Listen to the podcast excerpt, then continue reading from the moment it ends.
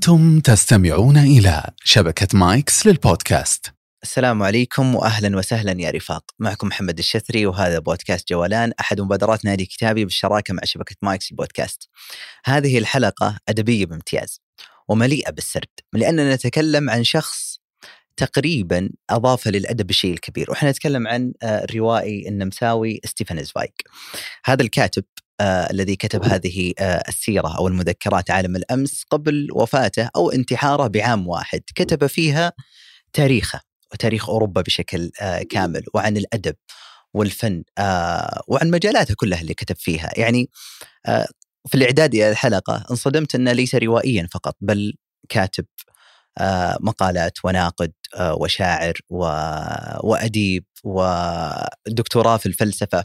فكان يعني عدة أشياء أخرج لنا عمق هذه الروايات. بطبيعة الحال حتى نخرج بحلقة جميلة كان لابد لنا أن نستضيف الأستاذ أحمد العسيلان الكاتب والقاص والمهتم بالبناء المعرفي. وكانت الحلقة ابتداء بستيفن وكيف تعرف عليه الأستاذ أحمد العسيلان وعلاقته بالسرد ثم الانطلاق في تلك الرحلة وحياة حياة ستيفان تحديدا في الأدب إلى المرحلة الأخيرة مرحلة انتحاره الحزينة. لا أطيل عليكم. أما الآن لتبدأ الحلقة.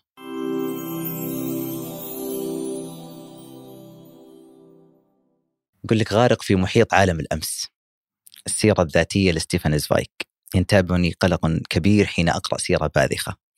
أخشى أن تقتل دهشتي عند قراءة غيرها من السير. في عالم لم يعد فيه للإنسان متسع للدهشة غير قراءة نص أدبي يخترق حائط شعوره المنطفئ. هذه التغريدة كتبتها تقريبا قبل سنة أستاذ أحمد العسيلان آه عن آه ستيفان زفايغ وسيرته عالم الأمس. ودي كذا أدخل مباشر لكن قبلها يا أخي لمستنا حالة آه يعني إحباط أو يأس أو تأثر فيك ستيفان زفايغ لم يعني لم يعد فيه للإنسان متسع للدهشة غير قراءة نص باذخ طبعا. طيب آه كيف تعرفت على زفايغ؟ وما هي وجهة نظرك في عالم الأمس؟ طبعا تعرفي على ستيفان ترى جاء متأخر في مرحلة القراءة. يعني أنا من تقريبا ستيفان تعرفت عليه من خمس سنوات تقريبا. يعني وأنا أقرأ من 15 سنة تقريبا. آه من خلال ما أذكر أي شيء الرواية لكن هي يا إما أنها السر الحارق وفي رواية السر المحترق في ترجمة لها ثانية أو رواية الخوف واحدة من ثنتين. من تلك اللحظة بدأت معه وشدني بشكل عجيب جدا. يعني الرجل يلامس أبعد نقطة في شعورك وهو يكتب. وبعدها خلاص يعني انجذبت لهذا الرجل ولكتاباته بشكل عجيب جدا. آخر ما قرأته من أو من أواخر ما قرأته وليس آخر السيرة الذاتية عالم الأمس. يعني عرفته قبل السيرة. إي والحمد لله إني عرفته قبل السيرة ترى. ليش؟ آه لأنه سيرته يعني أنت ما راح تمتلئ بالشعور والمعنى آه اللي يبغى يوصله إلا إذا قرأت معظم أعماله تمام؟ أو كلها. هذا واحد. اثنين آه يعني تاريخ الحرب العالمية الأولى والثانية إذا ما كنت يعني مطلع عليه بشكل يعني بشكل جيد ما راح يعني تتصور المأساة اللي هو قاعد يتكلم عنها. يعني لذلك الحمد لله أنا بعد ما قرأت يعني شيء عن الحرب العالمية الأولى والثانية وقرأت شيء من نتاجه وشيء من من نتاج الأدب الأوروبي يعني فوصلت للمر يعني على قولتهم خلاص للمرحلة الأخيرة أنه أنا مرتاح. لذلك كان الشعور بالنسبة لي يعني مختلف. عميق جدا. فكرة الإحباط الكتاب نهايته يعني محبطة جدا. بالنسبة لك كشعور أنت تتعاطف مع هذا الشخص وكذا. ويمكن اللحظة اللي أنا كتبت فيها التغريدة يمكن كنت نفس الفكرة يعني محبط ترى وأحيانا إحنا لما نكتب يعني خاصة المهتمين بالأدب فهو يكتب يعني الشعور المتطرف في الغالب يعني. ما يكتب لك الوضع الطبيعي. أنا لو كتبت لك الوضع الطبيعي ما راح تهتم بشكل كبير يعني. طبعا إحنا ما نتعمد هذا الشيء. لكن في اللحظة اللي أنا بكتب فيها أصلا أصلا أنا عندي شعور. وهذا أكثر شيء يدفع الإنسان إنه يكتب إنه عنده شعور عميق فآخر يعني يعني من آخر ما كت ما, ما قرأت له وهذه السيرة الجميلة. جميل. والتي قرأتها مرتين ترى على فكره إي من جمالها. عظيم. إي لأنها أضافت أشياء كثير كثير بالنسبة لي. على المستوى الشخصي وعلى مستوى الأدب وعلى مستوى التذوق حتى على مستوى الكتابة. ما الذي وجدته في غيرها من السير؟ الشفافية اللي فيها على مستوى إنه إنسان لا يضخم ذاته، يعني أنا غالب السيرة اللي نقرأها في الغالب ناس يضخمون ذواتهم بشكل صح. كبير. يعني لك أن تتخيل أنت المفترض ان هذا هذا الكتاب هو مذكرات شخصية له تقرأه كامل يعني ترى يمكن لو تجمع الصفحات اللي هو تكلم عن نفسه فيها ما تتجاوز تقريبا 50 إلى 70 صفحة بينما الكتاب أكثر من 320 صفحة تقريبا. آه الأمر الثاني الإنسان موضوعي. يعني على قولتهم ما يبالغ في الأشياء يعني يضع الأشياء في في مواضعها إضافة إلى الأسلوب. يا أخي أسلوبه وطريقة سرده سحر ساحر بكل ما تعنيه الكلمة. يعني أصلا تسكر الكتاب تنتظر اللحظة اللي تبغى ترجع فيها عشان تكمل إيش اللي إيش اللي قال فيه. وهذا ما لم أجد في غيره صدق يعني. جميل. يا أخي بالإضافة للانحياز يعني تعرف إيه. شخصي يعني لأن جانب السرد والأدب يعني اي طبعا طبعا. آه على المستوى الشخصي يعني الآن في نهاية السيره ما بداني أخلصها قبل اللقاء لكن بدأت فيها آه إحنا تونا هابطين واصلين للرياض. وخلصت من كتاب قلت ببدأ في هذا عشان ألحق الحلقة. آه فقرأت التقديم كان أربع صفحات تقريبا. الناس طلعوا من الطيارة وباقي أنا في الصفحات الأخيرة يجي المضيف إنه خلاص يعني إيش جلسك؟ بس بدايته كانت عظيمة الصدق. جدا يعني جدا ترى مقدمته رهيبة رهيبة جدا. آه يعني أنا أول ما لمسته في بداية المقدمة كان عرفت اللي هو كان يحاول أن يتواضع لكن ما قدر. يعني كان يقول ما استحق اني أكتب ما ادري إيش. بس كذا قدم مقدمة لا أكتب. هذا اللي يقول ما ما أستحق بيع من نسخ من كتاب واحد أكثر من 250 ألف نسخة ما شاء الله. في يوم من الأيام يعني. كتب انتشرت في العالم كله. عظيم. طيب خلينا ندخل مدخل الجانب الشخصي. أحمد وستيفن زفايك أحمد كاتب آه وقاص. يعني مهتم بالكتاب ما آه كاتب لا كاتب. تقول مهتم لكن لعلنا نراك كذلك وكذلك قاص وتدرب في الكتابة. آه حتما آه أتذكر أحد النصوص أن كل نص نكتبه هو تراكمات لنصوص سابقة قرأناها. بالنسبة أحمد وستيفان ماذا صنع ستيفان في أحمد من جانب السرد ومتى بدأ عالم السرد أصلا معك والقصص تحديدا؟ جميل أنا أشوف الحمد لله هذه رحمة من الله إنه أنا بدايتي مع السرد كانت مع التراث في الأدب آه في المقامات الدرجة جميل. الأولى مقامات الحريري ومقامات الهمداني هذه بداياتي مع السرد ثم مع ألف ليلة وليلة ثم يعني عيون الأخبار لأن عيون الأخبار عبارة عن سرد يعني في النهاية هو الشيخ جمع يعني أخبار وحكايات ثم دخلت في الرواية وقرأت فيها وتدرج شيئا فشيئا يعني بالإضافة إلى العلوم الأخرى اللي أنا أنا بطبيعة الحال وأنت تعرف ذلك جيدا عندي منهجية في البناء المعرفي بالإضافة إلى اهتمامي بالأدب. أه، ستيفان جاء زي اللي تقول يعني ليتوج يعني فكرة السرد بالنسبة لي يعني يعني أضاف إضافة اللي هي يسمونها آه، يعني تنضيج فكرة السرد وطريقة السرد بالنسبة لي. لذلك حتى بعد يعني بعد ما صرت أقرأ له كثيرا لاحظت أنا على نفسي أنني ما ما عاد صار عندي حشو كثير في في, في الكتابة آه، حتى لما أكتب القصة إذا زادت القصة عن صفحتين ثلاث يضيق صدري يعني في النهاية احس انك احس إني كثرت يعني إيه. آه وفكرة الملل اللي عنده هو ترى هو ليش يقول آه إنه يعني هو ليش ليش هو ليش غير ممل في الكتابة؟ لما تقرا له ما تمل منه. يعني مثلا تقرأ لعب الشطرنج مثلا تقرأ له رسالة من امرأة مجهولة هو عنده تقنيتين رهيبات يعني. وهو يعني ذكر واحدة منها في في الكتاب. الأولى قال أنا أصلا بطبيعتي إنسان ملول أمل. يعني لما أقرأ كتاب وفي تفاصيل كثيرة أمل منه يعني. لذلك أنا أتلمس آه إنه القارئ ما يمل مني. فتلقاه يسوي؟ مثلا يدخل في وصف مثلا مكان معين. إذا إذا حس إنك تمل دخل في حدث وصف شخصية ولا كذا وهو يصف في الشخصية وكثر كثر يعطيك وقفة تشبيهات شيء تلاحظ إنه إيش يقول لك؟ لحظة لحظة خليك معي بلا ركز. زي فكرة الجاحظ يعني. جميل. هذا الأمر. الامر الثاني آه إنه عنده قدرة عالية على أنا أسميها آه الرقصة في السرد. بمعنى إنه ياخذك ياخذ بيدك يعني وكأنه يعني على قولتهم يرقص معك رقصة معينة فأنت مستمتع بالرقصة هذه ايا كانت هذه الرقصة وفي نفس الوقت قاعد ياخذك للمنطقة اللي هو يبغاها يعني في النهاية فهذه الميزتين عنده الثالثه والأخيرة آه اللي هي فكرة البدء بالمعنى صغيرا ثم يعمق لك. شلون؟ في واحدة من الروايات اسمها الشمعدان المفقود. هذه فكرتها عن عن اليهود اللي كان معهم شمعدان ويعتقدون أن هذا الشمعدان مقدس وأنه من يعني من من من من آثار سليمان عليه السلام. وأنهم لما طردوا من يعني من من القدس أخذوه معهم في كل مكان. الشاهد أنه هذا الشمعدان كان في روما. وجو الفندال واقتحموا وأخذوا فهنا بدأت. أنا ك يعني إنسان يعني ثقافتي إسلامية ولا أصلا مو مهتم يعني بأنه اليهود انتصروا ولا ما انتصروا. أو شمعدان تحديدا يعني. وشمعدان يعني في النهاية. فقلت أنا شكل الرواية مو زي وروايه تاريخية أنا أول مرة أقرأ لي روايه تاريخية اللي هو عادة رواياته كلها معاصرة. ف اخذ يعمق المعنى في نفسي في نفسي. شيئا فشيئا حتى بلغت إلى أني وهذا اللي كنت أنا خايف منه صراحة يعني إني أتعاطف مع اليهود. طيب إيه. إلى أن بلغت إنه أنا بدأت أتحسس وأشعر أن فكرة الشمعدان صدق فكرة مقدسة عند عند اليهود من خلال المعنى اللي بناه. أنا ما راح أتكلم عن تفاصيل يمكن لو اللي أحد يقرأ الرواية يعرف هذا الشيء جيدا.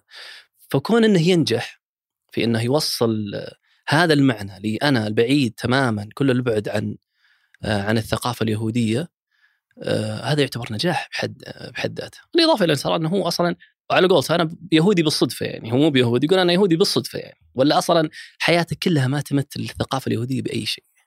صح فهذه هذه من أميز ما يميز ستيفان أنا حتى انصدمت إنه يهودي يعني عرفت من من السيرة يعني ما ما كان واضح تماما. إيه الواحد قالها إني بالصدفة ترى ما قالها إيه يعني. صح إنه لا يقول أصلا حتى يقول أنا كنت أنا أنا وأخوي نتريق عليهم يعني مم. اليهود جماعتنا وكذا صح عاد كان وقتها هو مواليد 1981 فتوهم طالعين أصلا من الجي 2 فكان آه يعني كانوا مرة مبسوطين على أي. الفكرة دي ذكرت في البدايه أبو محمد في بداية جوابك لهذا السؤال عن بدايتك مع التراث يجعلني أتساءل الآن هل هي أحد أحد النصائح اللي توجهها مثلا إنه على الكاتب قبل أن يبدأ أن يعود إلى التراث ثم يكتب أو يعني باستطاعته بما هو موجود أن يخرج بنتاج جيد؟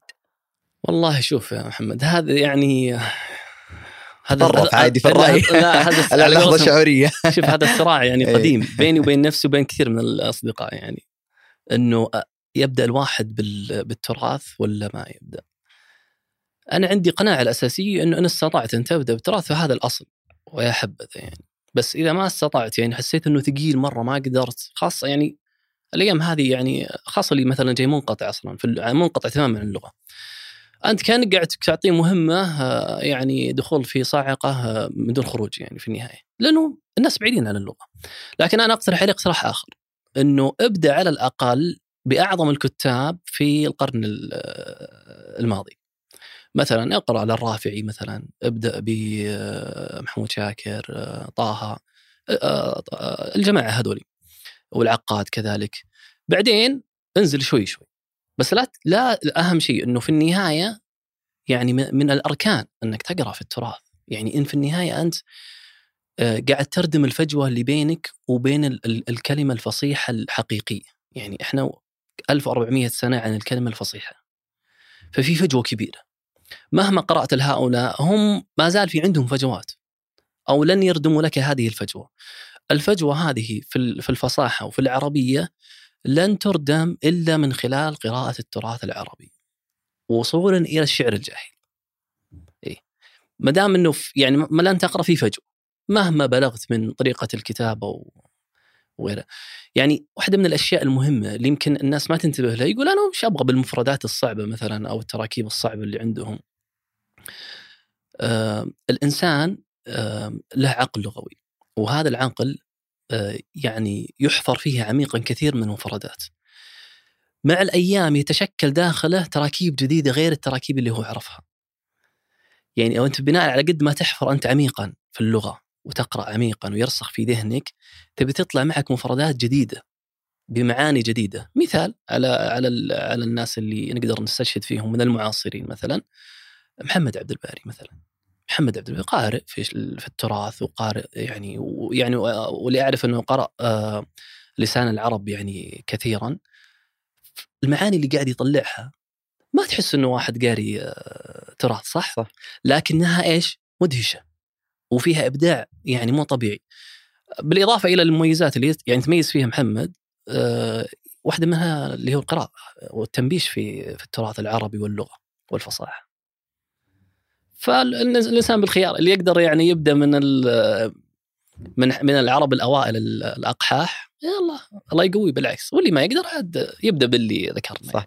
خاصة إحنا أمة بيانية يعني مرتبطين باللغة والبيان بشكل أذكر الجر- الجرجاني يا أخي الحديث عن اللغة بي- بيتركنا شوي إحنا إحنا مو في بالضبط. اللغة لأنه هو أصلا مهتم باللغة صح كذلك. آه، الجرجاني أذكر في كتاب إعجاز القرآن كان يتذكر آه، كان يذكر كيف آه، تفهم القرآن أو كيف أبنائنا يفهمون القرآن. كان يقول مما قال أن علينا أن نعلم أبنائنا الشعر الجاهلي حتى يفهمون القرآن. فانطلاقا من أن تلك اللغة التي نزل بها القرآن. شوف العودة إلى إلى إلى الشعر الجاهلي مثلا. يعني حتى مسألة ال- الأدب والبيان أنه حتى في صلب هويتك مثلا الإسلامية لن تدرك معاني القرآن بتفاصيلها إلا إلا إذا امتلكت تلك اللغة يعني. طبعا طبعا. هي الناصية اللي من خلالها أنت تدخل إلى القرآن وليست الناصية الوحيدة طبعا. أكيد. أي. جميل. طيب آه ما زلنا في الأدب. آه ستيفن له له اقتباس أو أو مقولة. يقول إن مهمة الأديب أن يكون عالما متعدد الجوانب يتغلغل بكل الوسائل في جسد عصره ويصيغ السمع ويصيغ السمع. ويصيغ ولا يصيغ؟ شكله خطأ okay. يصير. وأن يكون في الوقت نفسه آه، جماعا لكل الحقائق ورساما لكل مناظرها الطبيعية وجنديا لكل أفكارها. هنا يجعلني أتساءل آه هذه كأنه يقول أن هذه مهمة الأديب في وجهة نظر ستيفان زفايغ وجهة نظر آه أحمد العسيلان ما هي مهمة الأديب؟ أنا أنا أتفق معه تماما. يعني في النهاية الأديب هو فكرته الأساسية توضيح الحقائق للناس. الأديب ترى يجي يعني في مرتبة قريبة من مرتبة ال- الفلاسفة. زين هو مبشر في النهاية. آه و ولكن طريقة تبشيره يعني أبعد بالنسبة لي و- وأدق من فكرة ال- الفيل- الفيلسوف، ليش؟ الأديب آه، يعني يحفر عميقا في الشعور وفي التجربة الإنسانية الذاتية بمعنى أنه الحين أنا مثلا لما لما أقرأ نص لأديب وأقول الله نفس اللي في بالي. الأدب هو آه، مرآة لانعكاس تاريخنا آه، النفسي والعاطفي والمشاعري. فمهمة الأديب بالدرجة الأولى أنه يعني يكشف لك مشاعرك وعواطفك ال- ال- ال- ال- العميقة اللي أنت ما تعرفها أحيانا. الثاني لازم يقف في وجه يعني آه، في وجه الظلم في وجه ال- الكذب في وجه يعني كل ما هو مخالف لأي قيم أخلاقية. كيف يبني الأديب نفسه؟ زي ما تكلم بالضبط ستيفان إنسان باحث آه، جندي آه، مطلع على كل شيء. آه، البعض يعارض لأنه ما تقدر تطلع على كل شيء وكذا. لا أنت أنت في في مرحلة سعي. اسعى اسعى. في النهاية أنت إذا بتركز على على مجال واحد لن تكون اديبا. الأديب هو إيش؟ هو مجموع خبرات وقراءات متعددة وتجارب مختلفة وتاملات بعيدة جدا. يعني هو تقدر تقول يعني كون. كون كامل يعني مو بس الله متخصص معين وكذا لأنه يطلع من من ذاته إلى ذاتك وذات الآخر والآخر والآخر. تشوف الرافعي أحيانا لما يكتب مثلا ما يفكر بنفس الحالة. لا يفكر فيني وفيك المنفلوطي نفس الفكرة الطنطاوي. آه، يفكرون بعيدا. آه، حتى ترى ستيفان مثلا آه، ما كان يقول أنا ما كنت أهتم بكتاباتي بما يعني يهمني أنا شخصيا بالدرجه الأولى.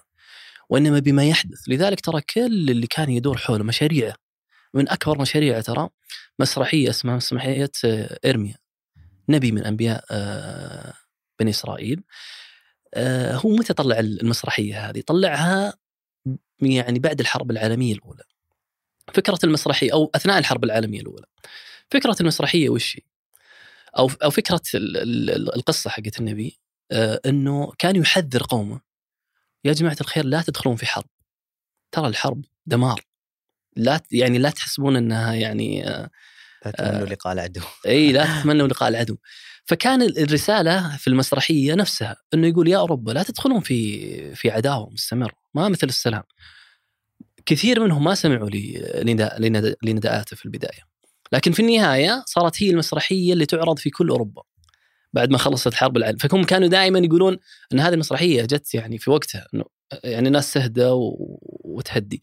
فكانت فكرته الأساسية إنه أبغى سلام. الفكرة الثانية عنده وهذه اللي صارع من أجلها ترى كثيرا اللي هي الوحدة. هو يبغى وحدة فكرية على مستوى أوروبا كلها. فكرية. فكرية أوه. بالدرجة الأولى. اي يقول أنا أبغى وحدة فكرية بحيث إنه يعم السلام والهدوء والحرية الشخصية. طبعا هو يؤمن بفكرة الحرية الداخلية وحرية الإرادة. لأنها أصلا نشأ فيها. يعني ترى ما قبل الحرب العالمية الأولى يعني هو مولود 1881 الجو اللي انولد فيه هو جو مليء بالحرية آه، بالرفاهية آه، بأنه ما أحد يتعرض لك لا دولة ولا غيرها حتى جوازات ما في يعني. فلك أن تتخيل واحد يعني إلى عمر 30 وهو يعيش هذه الحرية. فجأة يجي تجي حرب عالمية أولى قبل ما يجي هتلر. طبعا لسه ما جاءهم هتلر يعني لا يقضي عليهم تماما. بعدين تنعدم كل هذه الأشياء. يا أكيد بينصدم. بينصدم صدمة مو, مو طبيعية يعني. فهذه واحدة من الأشياء المهمة اللي كان ينطلق منها السيفان جميل. آه عن تلك المراحل الأولى أو تحديدا في في سيرته عالم عالم الأمس آه كيف كان تكوين يعني أنا أعتقد إن الأديب آه ولد بيئته؟ يأتي مرحلة ما انه إنه يتحضر من هذه البيئة إنه يقدر يصور بيئات أخرى، لكن حتما إنها أثرت فيه. تلك البيئة اللي ذكرتها بداية آه، حياة ستيفن ما قبل الحرب العالمية. كيف أثرت؟ كيف ساهمت في تكوينه؟ جميل. آه أنا أكثر شيء شدني ترى في في السيرة تكوينه. هو ولد في فيينا طبعا آه في النمسا. النمسا كانت قبل هذا إمبراطورية. وهذه الإمبراطورية حكمت آه تقريبا ألف سنة. يعني أنت تخيل أنت قاعد مولود في إمبراطورية ويعني إيطاليا تبعك والمانيا تبعك وكثير من من أوروبا يعني. فكان في أول شيء هو لما يعني لما لما نشأ في الطفولة كان في استقرار مو طبيعي في في هذا البلد. وكان الفن منتشر بشكل مو طبيعي. يعني أعظم الفنانين الموسيقيين كانوا يطلعون من فيينا. أعظم الشعراء من هناك. البلد يقول من كثر ما هي يعني عايشة رفاهية بشكل مو طبيعي يقول يعني أقدر أنا أشبه هذا الشيء أنهم كانوا ينامون على وسادة من موسيقى ويلتحفون آه، مفرش من أدب. يا سلام. يقول أهم شيء عندنا وش المسرحية الجديدة؟ وش المعزوفة الجديدة اللي تنزل؟ وش الشعر اللي نزل؟ هذه أقصى اهتمامات يقول والعالم مهتم بشكل مو طبيعي وعندنا الفنان الممثل يقول هذا قدوة. الموسيقار هذا شيء ودنا نتبرك فيه يعني. يعني الجو العام هذا اللي كله فن وأدب وشعر هذا اللي ترعرع فيه آه، ستيفان. إلى أن وصل عمر تقريبا آه، يعني 20 وهو كل مداره في الشعر وفي الأدب وفي الفن وفي الموسيقى. فواحد زي هذا وهو أصلا بإضافة طبيعة الشخصية هو مرهف الحس أصلا يعني. وإنسان هادي جدا ولا يحب المشاكل. حتى يقول عن نفسه إني يعني في أنه كان كان في مناظر طبيعية جميلة عندنا إحنا بالنسبة لنا. وفي النمسا. يقول ما طلعت. يقول كنت بس عيني وعيون والشعر والأدب مهتمين في أنا واللي معي. ويقولوا حتى ما كان يعني في زمانهم يعني يقول حتى ما كنا نهتم لا بطلعات ولا بملاهي ولا بنساء إنه إحنا نتعرف على بنات وكذا. يقول انشغلنا تماما مع مع الوضع يعني الأدب طبعا. آه، ترى المرحلة اللي هم كانوا فيها ترى فيها تحفظ كبير وتدين بشكل مو طبيعي. يعني لك أن تتخيل أن النساء كانوا متسترات بشكل كبير يعني ما في آه، تعري ولا في آه، ولا في كشف لاجزاء من الجسد إلا الوجه بس. آه، الرجال نفس الفكرة كانوا يحاولون قدر الاستطاعة أنهم يطلعون بشكل الرجل المتزن الحكيم يقول لدرجة يقول إنه إنه أحيانا الطالب الطب لما يتخرج يربي لحية. أول ما يتخرج عشان يحسون إنه كبير يعني لأنه ما في أي ثقة بالشباب وكذا. في الجو هذا اللي هو يعني هو يتكلم طبعا يقول الجو هذا اللي ما في أصلا يعني آه انفتاح كبير ولا حرية كنا ننشغل كثيرا آه بالأدب. بالإضافة إلى الصحبة. رجل يعني لو يعني أنت لو لو تعد الناس اللي كانوا أصحاب له وأصدقاء في مجال الأدب بس اللي ذكرهم في الكتاب تقريبا أكثر من 30 غير اللي ما ذكرهم لأن ترى في ناس ما ذكرهم خوفا عليهم. يخافون عليهم من هتلر لأنهم كانوا صح. داخل النمسا وداخل ألمانيا وداخل فرنسا لأنه هتلر كان محتل فرنسا. ففي أسماء كثير ما ذكرها يعني. فهذه نشأته اللي نشئ عليها آه، وطبعا مع الأيام زاد كذلك في لأنه بعد كذا آه، بدأ يسافر. بدأ يروح فرنسا بدأ يطلع لألمانيا آه، يروح لبلجيكا وواحده من زياراته اللي راح لها في البدايات آه، راح لأمريكا وال- والهند في البدايات. أخيرا طبعا راح لروسيا وت- ورحلة روسيا كانت جميلة يعني. لكن الرجل متأثر بشكل كبير بفرنسا وثقافتها والأدب الفرنسي يعني لدرجة إنه غالب أيام كان موجود هناك يعني. مع انهم عندهم نظام أول فرنسا وكذا نظام زي إحنا حولنا بطلع للبحرين برجع مثلا برجع أروح قطر وبرجع. ما في شيء على طول يعني. إي على طول ما ما ما هنا تعب يعني. فهذا الجو العام هو اللي كون هذه الشخصية بشكل بشكل كبير يعني. آه بس ملاحظة للسامع والقارئ آه يوم ذكرنا هتلر هو كتب عام آه كتب السيرة عام 1441 إيه. ومات 42 يعني في عز الحرب العالمية الثانية عز الله لا ف- بس هو ما إي. هو ذايق ولايات هتلر من يوم من عام 34 إي، يعني هو اول ما. مسك هتلر. آه، انطرد وكتب. كتاب الدكتاتورية أعتقد يعني 36 الدكتاتورية إيه. لها علاقة كبيرة مهم. بالوضع جميل البدايات كانت متعلقة بالأدب والفن ما أثر الفن على الكاتب يعني خ- خاصة الأديب والروائي آه كيف يساهم الفن آه يعني في في قدرة الكاتب أنه مثلا يشكل شخصياته أنه يغوص في أعماق النفس آه كان جانب شخصي تأثيره أو جانب حتى في كتاباته وأعماله. جيد. شوف إحنا لازم نعرف شيء مهم إنه ال- الأدب فن ترى. يعني أنا لما أكتب أو أقرأ ما إني أشكال أنا. أكتب فنا أو أقرأ فنا يعني في النهاية. الموسيقى فن مثلا آه، الرسم فن آه، يعني أشكال كثيرة يعني الواحد يقدر يخليها فن. وش أثر الفن الفن بشكل بشكل عام يعني بشكل عام هو اللي يشكل مشاعرنا بشكل كبير آه، ويشكل العواطف عندنا ويحسن الذائقة. يعني أنت لما يعني تكون مهتم بالفن وترى بعينك في كل مكان الجمال وترى بقلبك كذلك وتسمع فيه الجمال هذا الجمال اللي يبي يمتلئ فيه تمتلئ فيه روحك ونفسك يبي ينعكس بشكل كبير على آه، على كتاباتك آه، على رسمك. آه، يعني الجمال يعني إحنا في النهاية الفن هو انعكاس بشكل أو بآخر للج- للجمال. فأنت كل ما امتلأت بالفن أنت تمتلئ بالجمال. وإذا امتلأت بالجمال في الغالب يعني ستفيض جمالا يعني.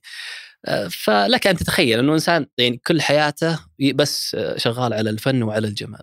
أكيد بيطلع شيء شيء جميل. والجمال مو معنى بس آه، معنى سطحي لا لا الجمال أبعد من ذلك. إنه يتشكل في أخلاقك يتشكل في ردود أفعالك في طريقة تفكيرك وليس في المتعة فقط وليس في السعادة وليس في الدهشة لا. آه، الجمال بعيد جدا جدا جدا. آه، لذلك يعني ثبت في الأثر أن الله جميل يحب الجمال. إن إن صح هذا الأثر. ال- الجمال ليس المقصود فقط جمال الشكل ولا جمال ال- لا لا هو أبعد من ذلك كثيرا. فهذه فكرة الفن. طبعا هذا رأي شخصي عاد ما أدري عاد.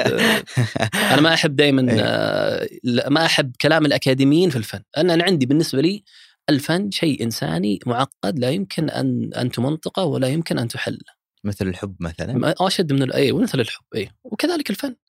يعني أنت أصلا لاحظ شيء. لما يجي أي واحد أكاديمي يبي يقعد لك فن معين شو يسوي؟ آه، يروح يدرس مقا... يدرس كتب لفنان أو يدرس موسيقى لفنان أو يدرس. لوحات لفنان ثم إيش؟ يحط القواعد، فمن اللي قاعد يحط القواعد؟ الفنان الفنان في البداية، الفنان نفسه هذا اللي جيت أنت حطيت له قواعد يا أكاديمي بيكسرها ترى بعد فترة وبيطلع فن جديد في النهاية. ف... جميل عاد ما نبي الأكاديميين يزعلون علينا يعني أنا أشتغل في يعني في جهة أكاديمية. آه، شو اسمه له الله. آه، ذكرنا الفن والجمال وهذه التفاصيل.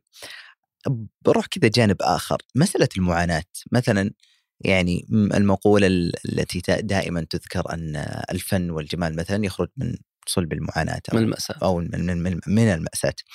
زفايق تحديدا أعتقد إنه عاش مأساة. آه يعني هجر احتلت دولته هجر يعني لم يكن له وطنا يعني حتى مات أخ أو مات منتحرا آخر شيء في ال- في البرازيل. هل آه، المأساة آه، كانت حاضرة في حياة زفايق؟ ثم سؤال ثاني معليش آه، هل المر- المرفهين مثلا عرفت نظام الأغنياء لا يكتبون الشعر هذه. أي آه، هل يخرج منهم شيء شيء يعني حقيقي؟ فهمت ما ما أدري كيف أوصفها إن شاء الله فهمت عليك فهمت خلينا خلينا نركز على ستيفان آه، تحديدا هو. ستيفان طبعا أنت عارف إن ستيفان مولود لعائلة ثريه صح. جدا آه، وما كان يحتاج أي فلوس يعني. عنده دعم بشكل مو طبيعي. وفيما بعد أصلا ما عاد يحتاج لأنه كتبه أصلا كانت تدر عليه آه، بالملايين يعني في النهاية. هل ال- ال- الرجل الغني أو الثري ممكن إنه يكتب كتابة مبدعة؟ طبعا طبعا. ليه؟ إحنا نرجع للفكرة الأساسية إنه ما دام الإنسان في عنده رهافة في الحس حتى لو كان غني ومغتني ومو محتاج لشيء إلا أنه يشعر بالمأساة الإنسانية.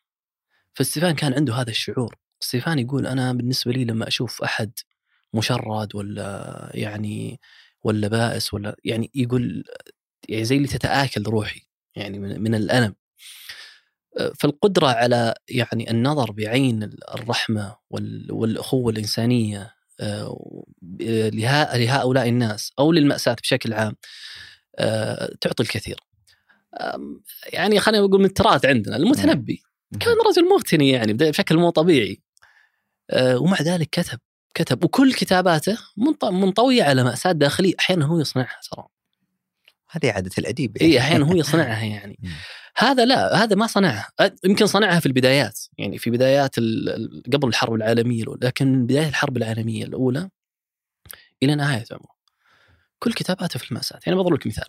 هو ليش كتب آه، كتاب عنف الدكتاتورية؟ آه، اللي تكلم فيه عن الصراع بين كالفن وكاسلو آه، كان يعني يحذر من من الناس هذول هتلر وموسوليني ولينين إنهم كيف كيف بيدمرون العالم بي بي لكنه كان ما يحب ما يحب الصراعات. فما يبغى يكتب عنهم مباشرة ذكي هو في نفس الوقت. قال خليني أكتب شيء يسقط على على التاريخ أو كان لها أثر. هو كان يقول دائما إحنا ما سوينا يعني إحنا ما ردينا شيء. لكن اللي استطعنا أن نخفف بس يعني أن نخفف. آه، لاحظ الكتب يعني مثل ترى خمسة من رواياته كل شخصياتها متأثرة بال- بالحرب ما بين الحربين. يعني مثلا عندك رواية لاعب الشطرنج متأثرة بالحرب. مأساة هذا الرجل. آه، رواية مثلا ماندل بائع الكتب القديمة متأثرة بالحرب. آه، حتى القصة الثانية اللي هو بائع التحف متأثرة بالحرب. آه، رواية الكبيرة طبعا هو عنده رواية إحنا غالبا نقرأ له روايات قصيرة طبعا هو عنده روايتين كبار يعني أكثر من 350 صفحة. فت- فتاة البريد أو فتاة مكتب البريد كذا وله ترجمة ثانية اسمها التحول.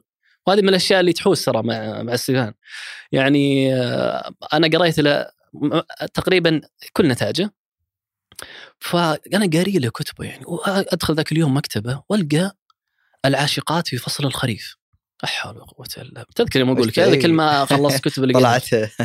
وآخذ وناظر. ولها قصص نفسها اللي أنا قاريها حاطينها باسم ثاني. نفس الفكرة رواية التحول آه، محولينها إلى فتاة آه، يعني مكتب البريد. أنا سطرت بعدين. نسيت إيش كنت أتكلم عنه كنت أتكلم عن آه، بدينا في المأساة هل هي لها دور ومدري اي في منطلقاته اي فالشاهد دكتاتورية تحديدا إيه. فالشاهد إنه كان غالب نتاجه منعكس عن عن مأساة يعني كتابات اللي كتبها يعني عن إدراكه للمأساة وليس مأساة داخلية قصدك ولا إدراكه ومأساة الداخليه لأنه. هو أصلا أول واحد تضرر يعني هو صح. أول واحد شرد وطرد وسحبت منه الجنسية وبعدين حرم من دخول أوروبا كلها وهو يعتبر أوروبا كلها وطنه صح هو يسعى إلى توحيدها إيه. لذلك هو لما كان في لندن ولندن كانوا مرحبين فيه إلا أنه يقول يقول كنا كأننا أشباح. يعني كذا يشبه نفسه يقول كأننا أشباح يعني ما لنا اي اي أي وجود يعني في النهاية. يا الله. هذه كل لعل كل ما ذكرناه هي مقدمات للدخول إلى نتائجه تخيل. تونا ترى ما بدينا. آه، لا، الحديث عنه ذو شجون. آه، أتفق تماما خاصة معك. آه، كل كاتب آه، له منطلقات. إحنا ممكن ذكرنا بعض المنطلقات اللي في في ظل الحديث. آه، ممكن حتى تكون يعني ديباجة دخولنا إلى كتبه. ما هي أهم القيم التي انطلق منها زفايك؟ مثلا ذكرنا يعني تعاطفة مع الآخر.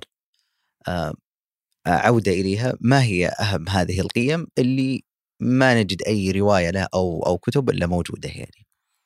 هو شوف عنده قيمتين عليا شخصية بالنسبة له. قيمة حرية الإرادة وقيمة الحرية آه، الداخلية. وهذه بتشوفها بتشوف انعكاسها في كل الروايات. هذا واحد. عنده قيمتين كبرى عالميتين بالنسبة له اللي هي الوحدة والسلام. إنسان يقدس فكرة السلام وال- والوحدة. حتى على على حتى لو يتنازل عن أشياء كثيرة أهم شيء يكون في سلام. وإنه في وحدة. في البداية كانت وحدته على أوروبا بعدين صار عنده مشروع إنه يكون الوحدة الفكرية هذه على مستوى العالم كله يعني آه، لذلك كان حتى لما يعني يلقي محاضراته يتكلم عن هذا المفهومين بد- بدرجة كبيرة يعني آه، بتلاحظ واحدة من الأشياء المهمة عنده على قد ما هو يحب السلام أنا كنت خايف من شيء اللي هو بالنسبة للاستفهام. أنا كنت ماشي معه تمام وكل شيء. أه قبل ما أقرأ كتاب ساعات القدر، كتاب تاريخي طبعا من أجمل الكتب. هذا الكتاب فيه تقريبا 14 صفحة تاريخية، فكرته باختصار إنه يجيب لك صفحة تاريخية موجزة يدخل فيها في صميم الأشخاص، زين؟ وهذه اللحظة لحظة مفصلية في تاريخ العالم. فواحدة من من الأشياء اللي كتبها هو فتح القسطنطينية. أوه. طبعا هو في كتابه الأساسي مسميه غزو القسطنطينية، المترجم فتحة. مطروح حطها قال أنا. حطها فتح القسطنطينية. يا أخي مشكلة. آه، الشاهد إنه أنا كنت متخوف الصدق يعني لأن هذه هذه اللحظة أنا أنا خشيت إنه ستيفان آه، يتعرض للإسلام. أو يتعرض للمسلمين بشيء من من التشويه أو كذا. كون إنه أوروبي وكذا. لأنه هذه بعدها خلاص يعني إما أنا أكون في صف إما أني. أنا أكون يعني في النهاية نتكلم عن شيء يمس حياتي كلها يعني أنا. وهذا شيء مهم ترى. آه، بعيدا عن الأدب يعني صح نتائجك وكل شيء لكن أنا أتكلم عن المستوى الشخصي ومفترض على كل مستوى يعني. قصدك التفريق بين الموقف الشخصي معه وال ونتائجه. انه أنت في النهاية إذا هو رجل بدأ يتعرض للإسلام لا خلاص يكون عندك موقف حاد منه يعني. يعني ما عاد أقرأ له قصدك مو ولا بعد أقرأ له. يعني. أنا أنا أنا ان قريت له أقرأ له ما في مشكلة. لكن لا أشيد بأعماله. أنا أدري واحد قاعد يشوه في الإسلام وكذا أروح أشيد بأعماله ليش؟ الشاهد إنه وأنا اقرا على اعصابي على قوله والصدق على اعصابي يعني وأدهشني صراحة. رجل كان موضوعي بدرجة مو طبيعية. واي وأقول لك ان بإمكانك ترجع وتقرا وتشوف. ما تعرض لمحمد صلى الله عليه وسلم ولا تعرض للإسلام ولا تعرض يعني اللي تعرض لشخصيات معينة شيء بشخصياتهم هم بنفسهم هم. يعني حتى فكرة التعامل يعني حتى ذكر الجانب ال- كيف كانوا المسلمين يفكرون وكيف كانوا يفكرون البيزنطيين في نفس اللحظة. فما كان في صف إنه هذول هجموا علينا. لا كان كان واحد لحاله ما كذا ما له دخل وهو قاعد يتفرج. هو ليش سوى هذا الشيء؟ لأنه إنسان يعني قارئ ومطلع في التاريخ وحيادي بشكل مو طبيعي. هذه فكرة إنه إنسان ما يحب المشاكل. يعني. مم. هو يقول أنا يقول أتحدى يعني بمعنى كلام أتحدى أحد يلقى علي كلام إني أنا تعرضت لأمة من الأمم اوه أنتقصت منها أو شوهتها أو كذا جميل أوه. فقيمه اللي ذكر الداخليه السلام اللي اللي هو- القيم ال- آه. الداخليه اللي هي الحرية ال- الداخلية والإرادة. وحريه الإرادة والخارجية ال- اللي هي السلام والوحدة جميل. إيه. هذه بتخلينا كذا دخول إلى أعماله. آه من هذا اللي أنا. استشفيته. يمكن حلو. أحد غيري قرأ يمكن يلقى شيء ثاني. إحنا هنا ناخذ تجربتك طبعا الشخصية. بالاضافه إيه. لقيم الجمال. إحنا منتهين منها الرجل عنده قيم جمالية وفنية بشكل مو طبيعي. جميل. أصلا هو يتحرك من خلالها يعني. يا سلام. آه اللي اللي صدمني آه إني عرفته روائيا لكن كل ما عرفته أكثر أكتشف أنه كتب تقريبا في كل الفنون. في فن السيرة، المقالة، النقد، الشعر، شاعر مثلا أول شيء أصلا نشر ديوانه، مم. آه المسرحية، الآن التاريخ. هذا هذا الكوكتيل يعني والترجمة. ب- هذه صدمتني فيها إيه يعني. هو مترجم ترى. آه يعني كيف يمتلك الإنسان يعني هذه الأمور؟ آه يا أخي جالس أفكر إنه هل عن آه يعني من يمتلك كل هذه الأمور يقدر يبدع؟ أو إنه لا هو بيبدع في فن واحد لن يبدع في الأمور الثانية. هو لأنه جمع كل هذه الأشياء بدأ قدر يبدع يعني لأنه حاز أشياء كثير. يعني تخيل لك انت تتخيل واحد يترجم ومهتم بال- بالفن وبالشعر وبالمسرحية وبالقصة وبالتاريخ وبالفكر وترى هو معه دكتوراه بالفلسفة يعني. أوه. إيه هو ماخذ دكتوراه بالفلسفة وخويه الخاص فرويد على قولتهم يعني فله في علم النفس يعني عرفت شلون ال- ال- المنظومة هذه كلها بنت فيه آه، وفي النهاية طلع لنا هذا النتاج. وأنا ما أجزم ما أجزم. لكن أظن أن الروايات اللي كتبها في الغالب كتبه مستلقي من كثر ما هو عرفت عرفت اللي من كثر ما هو يعني مطلع و- وفاهم يعني كتبه يعني أنا كذا أحس كذا. لأنك تقرأ يا أخي طبعا هو ما كتبه بشكل مستقل لا تعب هو بس. بس من كثر ما أحس إنه الم... القلم معه سهل يطلع معه يعني والبيان معه بشكل مو طبيعي. هو اللي كان يتعب فيه كثيرا كتابة السير.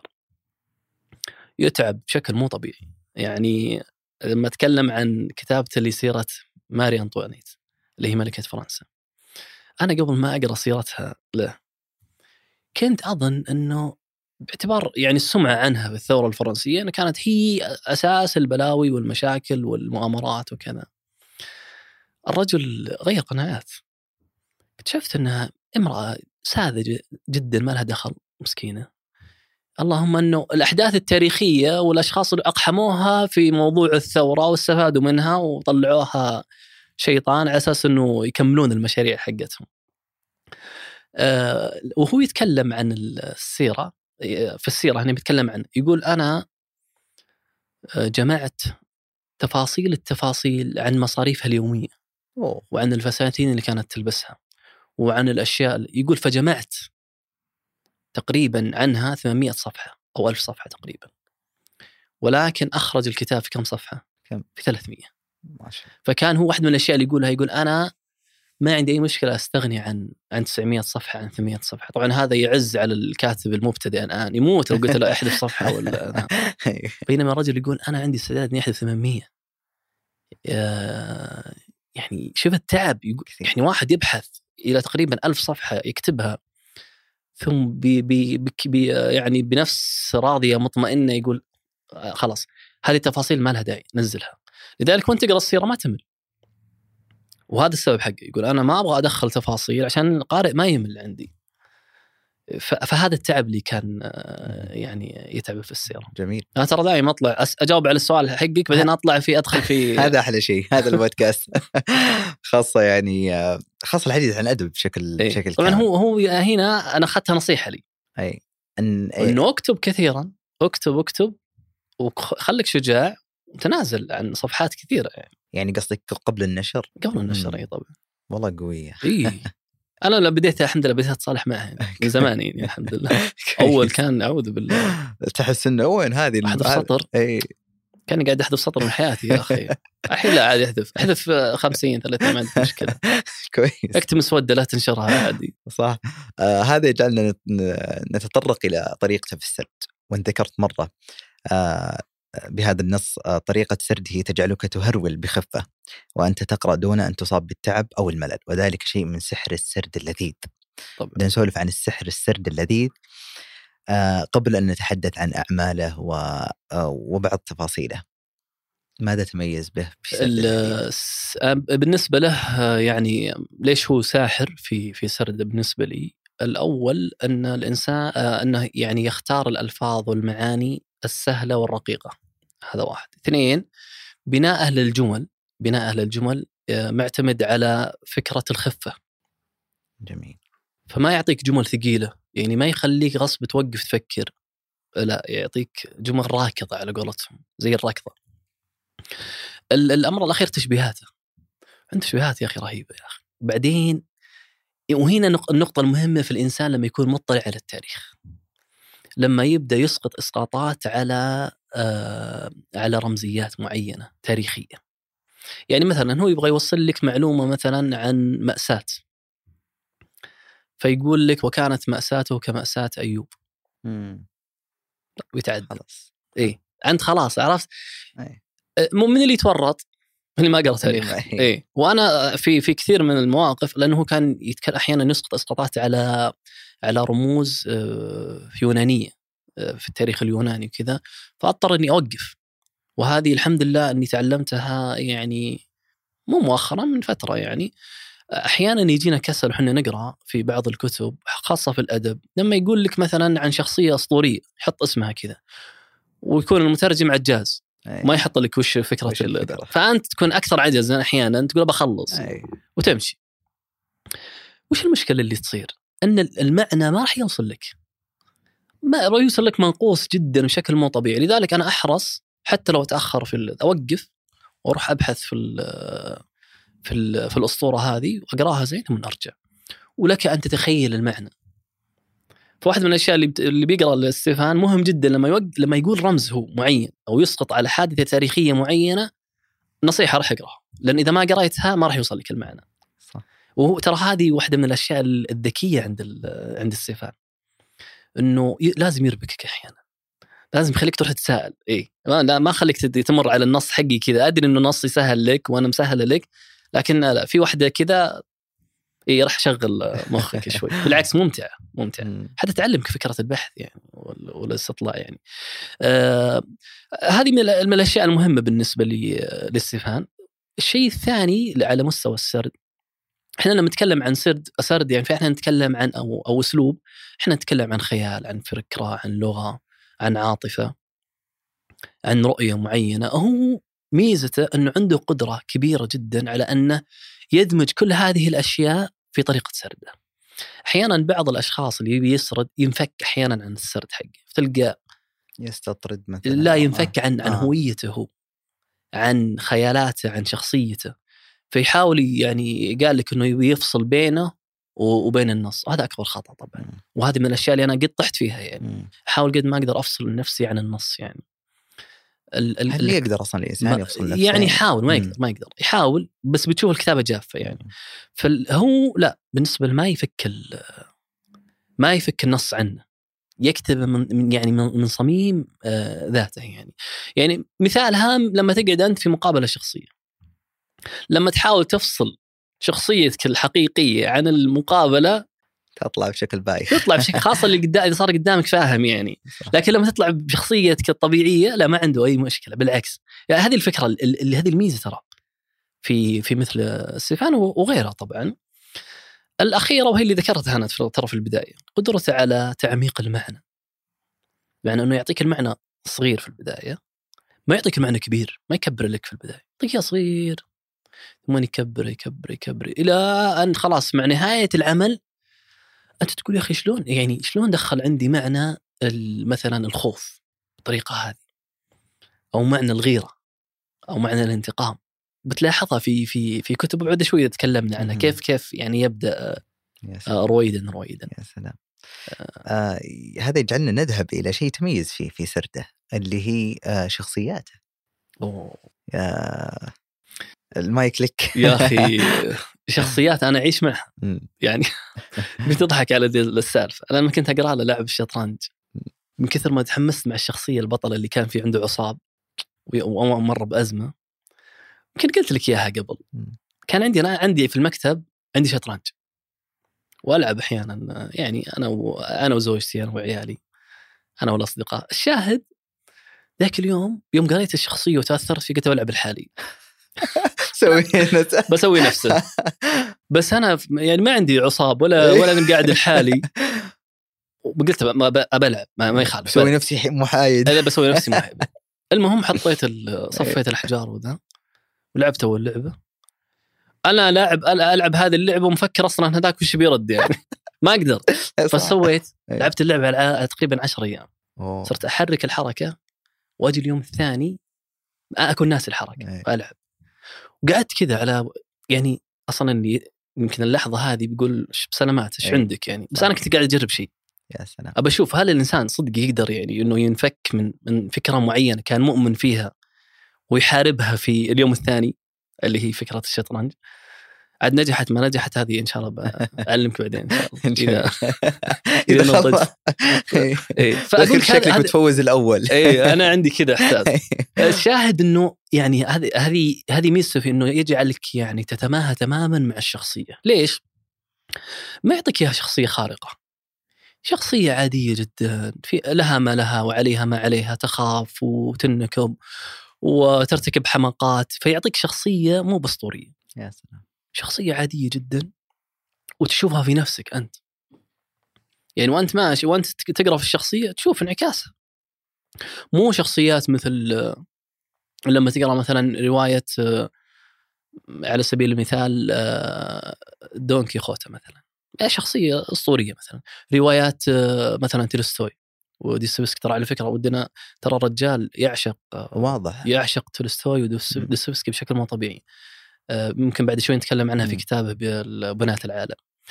آه، هذه الفكرة الأساسية في في بناء الشخصية إنه يحاول قد ما يقدر يخليها حقيقية وواقعيه الشيء الثاني يغطيها من كل جوانبها فهو يصف شكل بشكل يعني بسيط جدا. آه، يصف آه، انطباعات يصف شعور داخلي يصف آه، أحداث آه، تعكس لك هذه الشخصية. يعني ما يعني ما يتعامل مع الشخصية بإقحام يعني ما يقحم لك أحداث في الشخصية. يعني ما ما تكش انت وأنت تقرأ له يعني عن شخصية لا تحس إنه قاعد كل شيء قاعد يصير بشكل طبيعي وكأنه كأنه قدامك يعني في الح- في الحياة الطبيعية. إذا تبي نذكر أمثلة على شخصيات له. أكيد. آه، جيد. طبعا أنا واحدة من الشخصيات اللي آه، عجبتني كثيرا يعني آه، في آه، في آه، ستيفان آه، شخصية هذا لاعب الشطرنج هذا هذه شخصية كانت بالنسبة لي مميزة مم. حقيقة يعني. آه، الشخصية الثانية شخصية آه، 24 ساعة من حياة امرأة بطلة ال- آه، الرواية. اللي شدني كثيرا يعني قدرته على يعني على الغوص عميقا في في طريقة تفكير المرأة وتعاطيها. والمدهش في الفكرة حقت الشخصية هذه أنها كانت آه، مهتمة بحركة اليدين. مم. يعني هذه الحالة يعني شيء شيء رهيب. لدرجة أنه بديت أنا بعد ما قريت يعني الرواية بديت أهتم صدق أهتم فعليا بقراءة اليدين وحركاتها وفي انفعالاتها. يعني آه، قدرته على الوصف بالطريقة هذه. وقدرته على الدخول عميقا في مشاعر هذه المرأة يخليك تبدأ تعيد حساباتك يعني. يعني آه، كل واحد فينا يعني له تعاملات كثيرة مع يعني مع النساء في حياته سواء أقارب أو في العمل أو في غيره. فتشوف انت طريقة تفكير أنت كنت تعتقد إنه مو موجودة هذه. بنا لا هي موجوده ويعني وثابتة. ولما تسأل أصلا يعني الناس اللي حولك يقولون لا كلامه صحيح. صحيح. اي كلامه صحيح. خاصة اللي تجاوزوا إيه. يعني ال- الأربعين وكذا مم. المهتمين فيه. أه، واحدة من الشخصيات اللي ما أدري مو معجب فيها لكن كانت من من يعني من أشد ما ما كتب يعني كشخصية متطرفة إلى حد بعيد جدا. أه، رسالة من امرأة مجهولة. مم. هذه الشخصية تخوفك. تخوفك بشكل مو طبيعي. وش اللي يخوف فيها؟ أول شيء أنها يعني لها علاقة بعلم النفس. اثنين آه، لها علاقة بعالم ال- آه، يعني بعالم المرأة السري جدا والغامض إلى حد كبير يعني. أنه أنت تكون حذر جدا في تعاملاتك مو بس مع المرأة حتى مع الرجل. فكرة الحب اللي انبنت مع عندها لهذا الرجل مبنية على نظرة.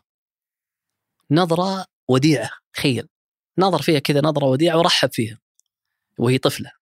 عمرها تقريبا في ال- يعني في طفلة توها وبدأ الحب. وهذا الحب أخذ يتعملق فيها. يوما فيوما إلى أن بدأت تعبده عباده. وما يدري طبعا. مم. الأفعال وردود الأفعال اللي سوتها بسبب الحب اللي اللي نتج عن هذا شيء جنوني شيء جنوني. طبعا هذا لا ينطبق على المرأة فقط ينطبق على الرجل كذلك. يعني من الرجل يمكن ي- يفعل أبعد من ذلك يعني. لكن الفكرة في الشخصية شخصية أنا أنا صراحة خفت. الله يعني واحد يقول اللهم سلم سلم لا يكون هو هذه الشخصية أو يطيح في يوم من الأيام في هذه الشخصية يعني آه، في في من في من حوله يعني عرفت شلون؟ صح فهذه ال- الشخصيات يعني تركت اثر وأنا أنا يعني أنا مدين بهذا الرجل بالكثير من من تغيير مزاجياتي وطريقة تعاملي لأنه في كل في كل رواية يعطيك شيء من من الأخلاق اللي لازم تتحلى فيها مثلا آه.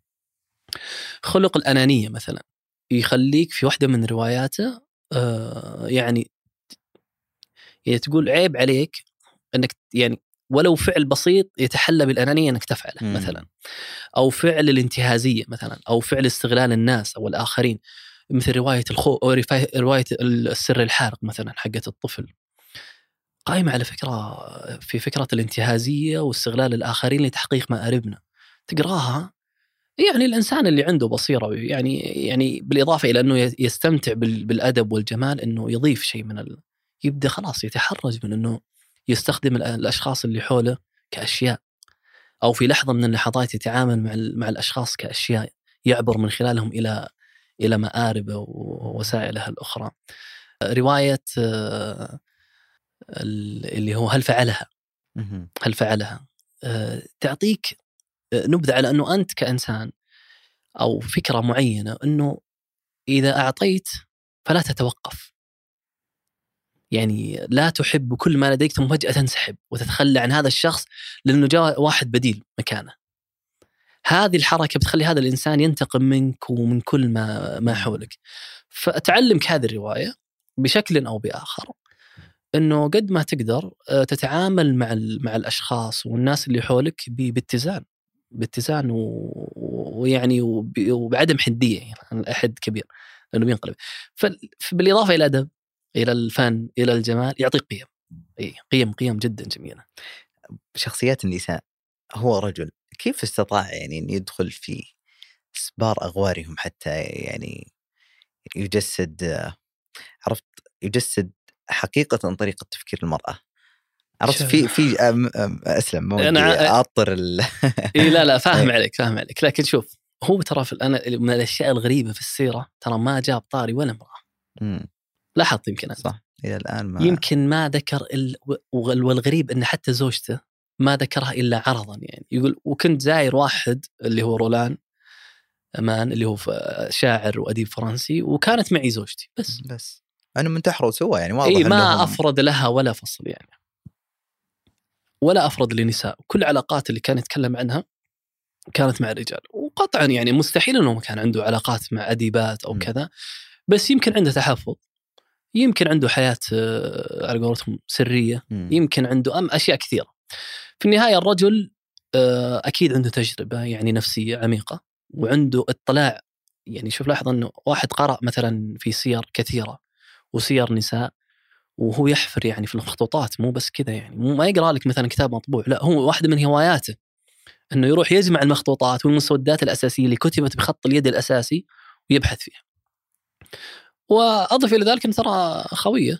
يعني دائما يقعد معه أحيانا. فرويد. فرويد إيه.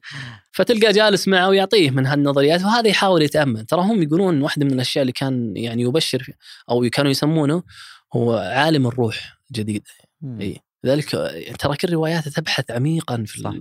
في روح الروح. يعني كثيرا إيه. فكيف هو وصل؟ أكيد له تجربة. يعني أكيد يعني في نساء أفضن أفضين له. بكثير من أسرارهن. هذا طبيعي شيء طبيعي. بما انه أديب وإنسان مطلع يمكن له تجارب مع نساء آه، وال- والأولى هي يعني الأكثر ميلا يعني ما ما ما نقدر نحكم يعني بشكل صح. كبير. لكن الرجل عنده ميزة. يعني عنده نظرة نفسية مو طبيعية. قل أن تجدها عند غيره. وهذه روح الفنان ترى وروح الأديب. أنه يستطيع من خلال جلسة واحدة أن يكشف آه، يعني اغوار نفسك أنت ك- كإنسان. واحد عاش إلى عمر 50 إلى عمر 60 وهذه ترى ما كتبها إلا في عمر 30 و35 فأكيد عنده يعني جميل. اطلاع. هذه. و- واللي واللي يقوله ما يكذب إنه النساء يعني. أي أنا هذا ال- عرفت شلون؟ ما يكذب يعني. حتى لدرجة إن أنت اللي كتب يعني لو ما لو جت مثلا رواية رسالة من امرأة مجهولة بدون اسم تبي تقول قطعا هذه امرأة كتبتها لكنه رجل يعني هو في النهاية أنا سالت السؤال عرفت نظام اللي كيف الرجل يكتب عننا ومدري إيش وهالأمور إيه. يعني. هو نفس السؤال كيف إيه. المراه تكتب عننا؟ عن- أنا ما قد اطلعت على شيء امرأة تكتب وكأنها. رجل. ما كشخصيات؟ إيه. آه روضة الحاج قد روضة عاشور؟ لا والله كل شخصياتها نساء. لا في. رجال إلا في رجال. رجال؟ إلا لا في. الله اي. لا لا صح ذكرت لا لو نجحت صراحة. صح. اي صح. بس إنه يعني بس ما كانت آه، تدخل عميقا يعني اي طيب آه تكلمنا كثيرا عن ترى مو معنى إنه إيه. ما كانت تدخل عميقا عشان إنها ما تعرف مم. لا مو مثلنا إيه، إحنا عندنا يعني إحنا عندنا هياط زيادة نرزق إيه. الرجال ونثق بأنفسنا زيادة يمكن من النساء لا حقنا، يحبون يحطون كذا أحيانا حدود حق- معينة. إيه. جميل ويمكن الحساسيه الزايده إنه إذا هي تكلمت تخاف إنه يجيها ردة فعل صح. سيئة طيب آه ستيفان كروائي ذكرناه كثيرا ودي الآن آخذ طريقة في نغير الحلقة قليلا آه نذكر شيء ونتكلم عنه بمعنى إن نبغى نذكر ستيفان الروائي آه ستيفان الناقد والشاعر ستيفان كاتب التاريخ. فأعتقد الروائي شبه أشبعنا إل- إلا إذا كان باقي شيء ما ما باقي بس ذكرنا ممكن إحنا نمر على أي. رواياته آه اسمعها. فدعنا نبدأ بستيفن الروائي. ممتاز. آه في يعني بعض رواياته أو إي طبعا إحنا لازم نعرف إنه ستيفن آخر شيء كتب الروايه آخر شيء؟ إي لو هو كتب الشعر مع ان عرفناه كروائي إي أو لا إي عر إحنا عندنا إي. بالنسبة لنا لكن هو أول ما كتب كتب الشعر وأصدر ديوانة الأول بعدين ترجم ترجم كثيرا كثيرا كثيرا. وكتب آه كتابه بناة العالم ثم بدأ يكتب الرواية. كتب ثلاث قصص وهو في الثانوي بس يقول لك عرفت زي متبر... يعني تبرأ منها يعني ما ما نشرت. آه الرواية له آه بالنسبة له يعني هو هو ذكر في في عالم الأمس يقول أول ما كتبت بعد الحرب العالمية الأولى قصة آه، سعار الحب أو آموك نقدر نقول وقصة رسالة من مجهولة أو رسالة من امراه مجهولة. بعدها تد... آه، يعني جت القصص الثانية. بقولها أنا من دون ترتيب طبعا لأني تتبعت تاريخها ما ما حصلت شيء إلا يعني كان مربك فكره الترتيب. لكن خلينا على على سبيل التذكر عندك رواية آه، لعب الشطرنج رواية السر الحارق آه، رواية آه، 24 ساعة من حياة امرأة الليلة العجيبة. عنده رواية هذه جميلة ترى الليلة العجيبة؟ خاصة للناس اللي وصل عمرهم 36 مرة أي. ممتازة. تكلم عن واحد يعني فقد فقد الشغف بكل شيء. ما الحياة كذا عنده بقى يعني باردة جدا. في الليلة العجيبة هذه اكتشف شيء جديد تغيرت حياته. إيش الشيء الجديد اللي يبغى يقرأ يرجع للرواية. آه وجميلة صراحة. حتى أنا والله لما قرأتها يعني تركت شيء جميل فيني. آه في رواية اسمها رواية هل فعلها؟ هي مجموعة قصتين في كتاب واحد هل فعلها؟ والثانية اسمها ليبوريلا كذا اسمها. آه وفي آه بائع ال- الكتب. في نفسها هي مجموعة قصتين في كتاب واحد بائع الكتب وبائع التحف. آه في رواية له اللي هذه الروايات الكبيرة الحين رواية التحول. وهذه رواية يعني تعطيك كذا الفكرة الأساسية الأثر اللي ترك اللي تركته الحرب على الناس. مم. فهذه رواية تحول تقريبا 350 صفحة. عنده رواية ثانية اسمها إحذر من الشفقة. أيضا آه، شوي ضخمة. في رواية اسمها القطار السريع. أو القطار المصفح أو زي كذا. آه، تتكلم عن آه، عن رحلة خروج عودة آه، لينين من النمسا إلى عفوا من أو من من سويسرا على ما أظن مم. إلى إلى إلى روسيا وبدء الثورة. إي لأن هذه تاريخية ترى حدث تاريخي وذكره آه، في كتاب ساعات القدر. يعني هذه اللحظة هي ترى غيرت في ال- في التاريخ في التاريخ م. بشكل بشكل مو طبيعي. يمكن آه، هذه هذه اللي الآن أستحضرها في الشمعدان المفقود رواية تاريخية جميلة كذلك ترى. هذه مترجمة حديثا أعتقد يبدو. لي انها مترجمة حديثا أو ترجمت إعادة آه. ترجمة آه، لها. طيب ما هي الرواية ال- اللي تقول هي الأعظم أو هي الأقرب آه، بالنسبة لي أي. يعني حتفا رأي شخصي رأي شخصي يا محمد آه. شوف في لحظتها. آه، كانت آه، رسالة من امرأة مجهوله لاني قريتها قديما يعني السنة هذه أو السنة الماضية أنا أقول يعني بالنسبة لي من من أجمل ما قرأت له رواية الشمعدان المفقود. أنا أصلا أحب ال- ال- القراءة في التاريخ وهذه رواية تاريخية وكنت أنا أول ما شفتها في معرض الكتاب قلت كنت ما أدري أصلا يعني ذيك الأيام إنه إنه ستيفان مطلع على التاريخ قلت الله يعني هنا بيبين إذا هو كاتب إيه. يعني كاتب كاتب ولا كاتب يعني سلق بيض على أي. قولتهم فلما كتب في التاريخ والله يا محمد يعني أجود عندي من كتاباته المعاصرة. مم. يصف لك وصف بشكل مو طبيعي أحداث التاريخ ورجل يعني مطلع على تفاصيل التفاصيل في حتى حركاتهم وإيماءاتهم التاريخية. يعني هو يصف تاريخيا كيف خرج مجموعة من اليهود يلاحقون الشمعدان. بلبسهم بطريقة صلاتهم وكيف يصف آه، يعني الانتصار في بيزنطة آه، وكيف يعني الجماهير ضجت في ال- في الشوارع وقائد الجيش دخل. شيء شيء. أنا يعني الوحيد اللي يذكرني بهذا المشهد الجميل آه، عدي الحربش يا سلام. في في قصته أكوام الجماجم كذا إذا ما كان يصف المشهد تقريبا من آه، يعني من المشهد اللي كان يصفه ستيفان مم. فالشمعدان شيء جميل صراحة إي. الأجمل.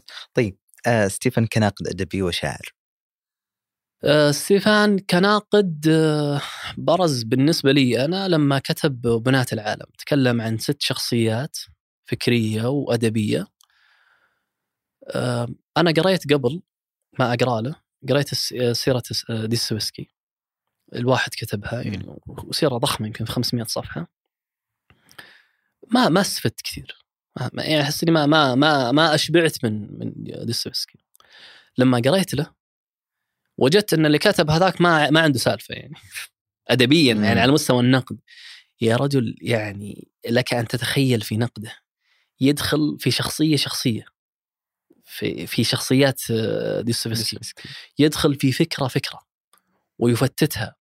يدخل في معنى يدخل في رسالة ستيفان يدخل في آه، في تناقضات ستيفان يدخل في طريقة ستيفان في الكتابة. قصدك ديستويفسكي اي اي عفوا في دوستويفسكي. مم. آه نفس الفكرة مع بلزاك. وطبعا هو كتب كتاب مستقل لبلزاك 500 صفحة تقريبا. اي اشتغل عليه 30 سنة. واو. اي عشان يعني يعني مو سيرة سيرة ونتاج يعني. مم. آه وهذه نصيحة. اللي بيقرأ بنات العالم لا يقراها إلا وهو قاري على الأقل شيء من نتاج ال- الناس اللي راح يتكلم عنهم. لأن تقرأ وأنت تقرأ مثلا لشاعر ألماني يتكلم عن شعر أنت تقرا كأنك قاعد تقرأ طلا- طلاسم يعني. لأنك ما قريت الا شيء. صح. هو يتكلم عن ياخذ نصوص له ويشرحها ياخذ شيء من حياته ويشرحها ياخذ شيء من نتاجه ويبدأ ينقده ويعالجه. يعني أنا ما كنت أتوقع إنه ممكن أحد يجي ويعقب على طريقة آه، ديستويفسكي في ال- آه، في السرد في السرد. ولا في بناء الشخص جاء و... يعني ما قايل له شرشحه. لا في موضع من المواضع قال له يعني لا. اهدى يا يا شيخنا اهدى يا مولانا يعني هو على تولستوي. مع إنه يعظمهم يحبهم كثيرا يعني صح ذكرت ترى تولستوي وديستويفسكي وش علاقته فيهم؟ آه ال- العلاقة فيهم إن الرجل يعني آه أول شيء هم اللي دخلوه على على الأدب الروسي بشكل كبير. اثنين انه الاثنين عندهم ميزة مو بعند مو بعند غيرهم. آه اثنين يعني وهبوا نفسهم للأدب. وهبوا نفسهم لرسالة معينة آه بشكل مو طبيعي وهذا يشبهه هو. هو وهب حياته ترى للأدب ولرسالة معينة في حياته. واللي أعجبه كثيرا فيهم اللي هي الروح ال- ال- الروسية في فكرة التطرف في في في التعامل مع الأشياء.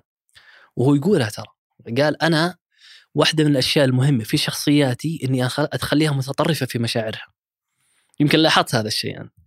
فيقول أنا ما أحب أحط شخصيات باردة في في وأنت تقرأ تقول يا أخي وش تشد اعصابك يعني يعني مثل رواية مثلا رواية الخوف له وأنت تقرأ أعصابك مشدودة طول الرواية من هذه المرأة اللي خايفة بشكل مو طبيعي يعني حتى يعني أنت تصيب تصاب بالربكة يعني مع كل حركة لها مع كل أثر لها ويعطيك الشعور البعيد تماما.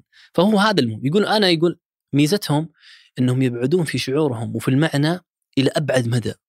ما يتوقفون عند حد معين. يقول مو زي بلزاك مثلا. يوقف عند حدود معينة يهدي شوي. مو زي مثلا آه، فكتر هيجو مثلا. لا هذول شخصياتهم يعني يعني يا يا أقصى اليمين يا أقصى اليسار يقول. لذلك آه، مهتم فيهم. يعني بالإضافة إلى الجمال اللي هم كانوا يكتبون عنه يعني. جميل. آه ستيفن كناقد ادبي ذكرنا و... وعندنا ستيفن ككاتب للسيره الذاتية وذكرنا يعني وإيش السير اللي كتب عنها. السيارة الذاتية آه، أنا تو إحنا جايين أي. في ال- في السيرة. كنت أقول لك إني أنا الآن معجب بستيفان ككاتب سير أكثر من رواية. هذه بقول و- لك أقول لك في اللقاء ليش؟ آه ليش؟ لأنه أول شيء آه يكتب لك حقائق في السيرة زين شيء ثاني آه شيء ثاني يكتب لك أشياء لن تجدها في التاريخ الكبير بمعنى التاريخ في الغالب لما إحنا نقراه نقراه بمرآة من بعيد أو من من من نافذة بعيدة جدا هو إيش يسوي؟ يجيبك يدخلك في وسط الغرفة أو في وسط الحدث ويخليك تمشي مع شخصية من الشخصيات اللي كان لها أثر كبير في الحدث. فتبدأ وأنت ماشي تشوف الأحداث الصغيرة وهذا أعظم شيء بالنسبة لي أنا. يا سلام. يعني أنا ما فهمت الثورة الفرنسية بشكل كبير على إني طلعت طلعت عليها وقرات فيها إلا لما قريت له آه، سيرة سيرة آه، جوزيف خوشيه. هذا واحد من أهم السياسيين ال- الخبثاء اللي لعبوا لعب بشكل مو طبيعي في الثورة يعني. فلما قرأت سيرته يا أخي تقول شيء عجيب. هذا واحد. اثنين آه، آه، السيرة الذاتية حقت آه، ماري أنطوانيت. هي الملكة المسكينة اللي اللي كانت هي يعني زي الدمية اللي كان المشهد التاريخي كذا قاعد يحطها كان كان مثال عشان يمشي الأحداث. فلما قريت ال- السيرتين هذولي وجدت إنه في أحداث كثيرة داخل الثورة إحنا ما كنا ندري عنها. نقرأ بس إنه في ثورة وإنها آه، يعني يعني آم، علق الملك في المقصلة وزوجته وآخر قصيص وكذا. اكتشفت إن الخسائسه أصلا كانوا في مشاركين في الثورة. وكان لهم شيء في ال- يعني في شيء لهم شيء في في في في من يعني من من ثمار الثورة أخذوه. وهم قساوسة يعني في النهاية. فهذا ما كنا ندري عنه. آه هذه سيرتين كانت من من من السير المميزة. كتب آه كتب شيء اسمه أو كتاب اسمه عنف الدكتاتورية. طبعا عنف الدكتاتورية هو سيرة شخصين كان بينهم صراع فكري. كان صراع بين واحد اسمه كالفن اللي هو مؤسس الكالفينيه وموجودة إلى الآن. واحد اسمه آه، كاستيلو أو كاستيلو آه هذا دكتاتور اللي هو كالفن ويبغى يفرض رأيه على كل الناس الموجودين ويتحكم بكل بيتحكم بتفاصيلك الشخصية يعني. بينما الشخص الثاني لا. كان ضد هذه الفكرة. وتقرأ تقرأ أصلا سيره ذاتية للاثنين يعني في النهاية. وحدث تاريخي داخلي. طبعا هذا الكتاب آه، يعني أو كتبه علشان الموضوع اللي كان صاير في في أوروبا. من السير اللي كتبها سيرة بلزاك. آه، كتب أيضا عن آه، عن ماجلان عن ماجلان ورحلته في في البحار وجميلة السيره جميلة جميل. جميله أنا قرأت من يعني آه، نصفها باقي لي آه، أكمل لاحقا بعدين. آه، لكن جميلة السيره كذلك. من السير اللي كتبها ترى أفرد هو كتاب لتولستوي. إي. هم- تولستوي. إي أفرد له كتاب غير اللي كتبه في البناة يعني. مم. يعني أضاف عليه شيء كثير. كتب سيرة عن واحدة اسمها ماري ستواريز أو كذا ملكة آه، والله ملكة إسكتلندا أو إيرلندا والله إني نسيت بالضبط أنا ما قريت الآن لحد الآن السيرة آه، لكن خلينا نتكلم عن طريقته في التنبيش عن بالضبط أنت ذكرت يوم آه،. اللي ملكة فرنسا كيف جمع ألف إيه في آه، التنبيش عن كل سيرة، الرجل ما يكتفي بقراءة مثلا كتب مطبوعة، لا. يروح للمتاحف ويجمع المخطوطات ويقرأ بالتفاصيل، يجمع ال- الجرائد والصحف والمجلات اللي كانت في وقتها ويقرأ فيها وإلى أن يتشبع تماما، يعني فاهم؟ ما يكفي كتاب ولا كتابين، يعني يجمع يجمع كل شيء، يعني مثلا إذا بيقرأ مثلا عن عن عن أو بيكتب عن مثلا تولستوي هو أول شيء أول شيء يسوي يقرأ كل نتاجه بعدين يقرأ كل ما كتب عن آه، عن عن تولستوي ثم يروح يبحث عن المخطوطات اللي كانت معاصرة له وبعد بعد كذا يبدأ يبدأ يكتب يبدأ يكتب لذلك آه، هو يقول إنه كان مغرم ترى ببلزاك وعلى فكرة ترى هو يعني معجب كثيرا بال- بالثقافة الفرنسية أصلا كل ربع من هناك. ودايم تك هناك على قولتهم إيه. يعني.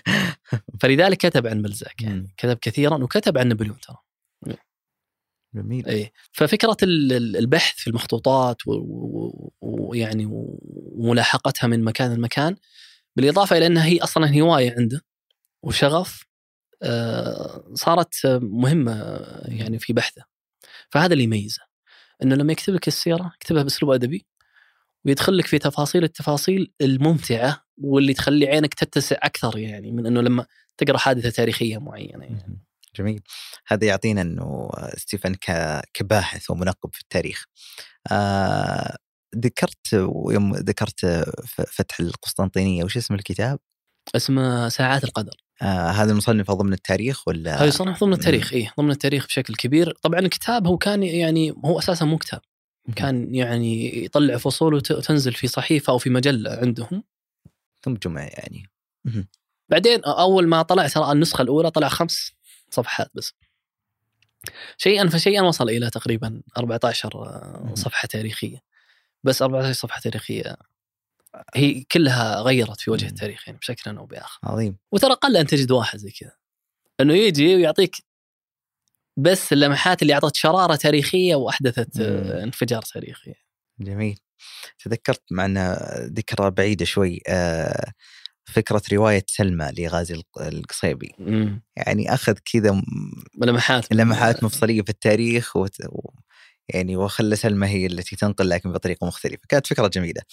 آه، تحدثنا عن ستيفن بكل تفاصيله تقريبا. حتى وصلنا إلى مرحلة آه، مرحلة بالنسبة لي أي قارئ لل- للأدب وقارئ لستيفن هي مرحلة حزينة وهي طريقة موته. تحديدا آه، انتحاره هو وزوجته في 22 فبراير 1441 في البرازيل آه، 42 1442 1942 إيه. عن يعني ما الذي أوصل ستيفن إلى تلك المرحلة مع أنه كتب كل ما كتب ووصل إلى ما وصل إليه ورسالته كانت حزينة يعني يمكنها منشورة دائما موجودة في آخر الكتاب. آه عن تلك الحالة وهذه النهاية خلينا نتحدث عنها. طيب آه، خلينا أول شيء يعني نمر كذا مرور سريع على على حياته كامل. على ستيفان صعد صعود يعني ما ما قد أحد صعده مثله في في أوروبا في عمر الثلاثين كانت كتبه توزع بال- بمئات الآلاف أو تباع بمئات الآلاف على مستوى أوروبا وأمريكا و- وروسيا وغيرها. آه، يقول أنا صرت أعامل معاملة الدبلوماسيين لما أدخل بلد. واو. يعني لما ضابط مثلا وأنا داخل بلد يدري إني أنا ستيفان يتعامل معي بطريقة مختلفة تماما. أدعى إلى يعني إلى مناسبات دولية. وأنا لسه يعني ما بعد. فيقول النجاح هذا الكبير آه، كان بالنسبة لي مح- محل قلق. هو يقولها يقول فلما وصلت عمر خمسين وألتفت وراي يقول في في ميلادي الخمسين وألتفت وراي. وأقول يعني كل هذه الرفاهية اللي عشتها أنا وكل هذه النجاحات و- والشهرة وكتبي يعني وكتبي ترجمت للغات متعددة وكثيرة. هل هذه حالة طبيعية؟ هو يقول كذا يعني. ولا بيعقبها شيء يعني. وكأن كان حاس سبحان الله إيه. اي فيقول هو يقول جاني شعور كذا إني أنا ودي أدخل في حالة مأزق. تعرف أحيانا أنت لما تطول حالة الرخاء عندك تمل. تمل. هذه شيء مصيبة. الإنسان يعني. فيقول يعني شيء طبعا يقول أنا مريت بأزمة الحرب العالمية الأولى بس كانت أزمة ما انعكست. علي كثيرا يعني. على شخصي أنا. لكن آه، بعد هذه في الخمسين بدأت هنا بدأت الأزمة حقته. بدأ صعود هتلر وصعود الفاشية وصعود الدكتاتورية وشيئا فشيئا بدأ يفقد هذا الإنسان. أول ما فقد فقد وطنه طلع من النمسا وما قدر يرجع لها. بعدين فقد طبعا هو ألماني ويعني يعتبر اللغة الأساسية والتي يفكر فيها الألمانية واللي يكتب فيها الألمانية النمسا وألمانيا كلهم يعني نفس ال- واللي واللي حولهم. فأول ما فقد فقد وطنه. فقد بيته فقد عاد يقدر يرجع لنفسه. يقول اول أول مرة جو فتشوا فيها بيتي تفتيش يعني أنا حسيت إنه خلاص ما عاد لي مكان لأنه بدأ هتلر يفرض القوانين ضد اليهود إنهم تمنع كتبهم تمنع آه، يفصلون من الوظائف شوي شوي طبعا بدأت السالفة. يمنع إنهم يقعدون يجلسون على الكراسي في الحدائق العامة آه، ما يمشون إلا عليهم نجمة آه، نجمة داوود السداسية عشان الناس تعرفهم. انه هذول يهود آه، فيقول هنا بدأت شيئا فشيئا أفقد آه، آه، يعني أفقد أشياء كثيرة في حياتي. ثم جت ال- اللي هي الطامة بالنسبة له يعني. هو كل هذا ما عنده مشكلة فيه. الطامة وين؟ إنه أصلا كتب أحرقت في ألمانيا ومنعت في النمسا. بعدين احتل هتلر فرنسا واحتل غالب أوروبا فقام وأحرق. كل الكتب في ومنعت كتبه كلها في أوروبا كلها. فيقول أنا هذا خلاص يعني دمرني تماما يعني. بعدين راح ل استقر في بريطانيا وأخذ الجنسية هناك يعني. وشبه استقر. هو كان متوقع إنه خلاص الوضع يعني يعني يقول إلى الآن في إمكانية أن أنا أرجع أبدأ حياتي من جديد. بما إنه أصلا خلاص الناس ما خلاص إنه قضي عليه تماما يعني ستيفان فإذا بالحرب تبدأ العالمية الثانية وتدخل حرب بين آه، ألمانيا وبريطانيا. بريطانيا. في هذه الأثناء في الحرب هذه آه، جته دعوة من البرازيل. إنه تعال عندنا على قولتهم محفول مكفول إحنا نستقبل. واخر العالم. في آخر العالم بعيد عن أي. القروشة دي. طبعا هو مر على أمريكا جلس فيها فترة بعدين راح للبرازيل. محمد أنت يعني ما أبغى أحط نفسك محله. لكن لك أن تتخيل واحد عاش قمة يعني المجد والنجاحات إلى عمر خمسين. ثم في عشر سنوات بدأت روحه تتآكل بسبب الأفعال اللي قاعد تصير حوله. هو تراك يعني يمكن اللي اللي فعله مع هتلر يمكن يمكن 50% لكن 50% عنده الأعظم وهذا اللي هو دائما يصر عليه اللي هو الدمار اللي صار في في أوروبا. على مستوى الحريات. هو يقدس شيء اسمه الحريه الشخصيه على مستوى الإرادة. يقول لدرجة في مقولة له يقول لدرجة أننا بدأت أرواحنا تتآكل من الخوف. شوف هذه هذه اللفظة يعني إنه بدأت أرواحنا تتآكل من من الخوف. واحدة من الأشياء اللي اللي كانت يعني مزعجة له بشكل مو طبيعي. راح لروسيا قاعد فيها أسبوعين. طبعا هو ما يعرف يتكلم روسيا فكان معه مترجمة وكان دائما معه ال- الروس ال- ال- يعني يروحون ويجون. كان في عهد ستالين كان آه، لينين تو تو ميت. وكانت الثورة في في أوجها يعني ال- الروسية. وكان يعني هو يشوف الوضع جميل والناس مبسوطين وكل شيء ويسولفون معه ويأخذون راحة. في آخر يوم في آخر أمسية يقول وأنا راجع بشيل المعطف حقي وأنا أشيله اسمع خرخشة في في مخباتي أيوه. يطلع ولا ورقة مكتوبة. طلعت ولا مكتوبة بالفرنسية. إيه. وش مكتوب فيها؟ اللي كاتبه لها قال ترى كل اللي شفته وكل الأشياء اللي سمعتها هو ما يمكن أن يقال لك. ما نريد أن نقول لم نستطع قوله. فهنا يقول أنا اكتشفت يعني إي إلى أي مدى الإنسان بدأ يعني. معدوم الإرادة في التعبير حتى عن حرية رأيه. يقول أنا لاحظت شيء في آخر شيء، لاحظت إني دائما محاط بناس ما قد قعدت مع واحد لحالنا. يقول كل اللي معنا أصلا يعني جواسيس يعني في النهاية إيه. فكل اللي كان يقال لك ما يمكن أن يقال. آه، لا ما يريد آه، قوله. آه، يريد قوله. في في اللحظة هذه خلاص هو يعني الحرية انعدمت. ما في وحدة فكرية اللي كان يؤمن فيها ويناضل من أجلها. ما في سلام. ما في سلام. آه وترى في كان مقدمة لفكرة الانتحار رسالة اللي كان يرسلها لعائلة آه، زوجته. طبعا كان يراسل أخوها. أي وأخوها وزوجته. أخوها أي أخوها وزوجته وليس زوجته القديمة الأولى. آه، وكان محبط جدا. وكل يوم يوما يعني يوم ورا يوم يحبط. والإنسان اللي عنده يعني يعني يعني مرهف احساسه بشكل كبير. ورجل أقرب ما له يعني كان ملحد يعني ما. كان صح. مؤمن بالفكرة الأساسية. وفي حالات وفي مراحل الأخيرة ترى كان يمر بحالات اكتئاب تو ذكرها يعني. حتى يقول كنت لما أدخل في حالة اكتئاب أكتب كثيرا. فكان يكتب. آه كيف أقنع زوجته؟ هذه. هذه ما أدري إنه كيف لكن يبدو لي ان حتى هي أصلا كانت تعاني. هي كانت تعاني من الربو وحتى هي كانت في رسائلها أصلا مستاءة من الوضع. وهو قالها باختصار يعني أنا يقول ما عندي استعداد إني أبدأ من جديد.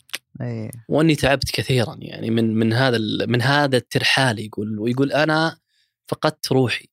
يعني من غير بس ألاحق هذا الجسد وين ما راح مرة هنا ومرة هنا ومرة هنا.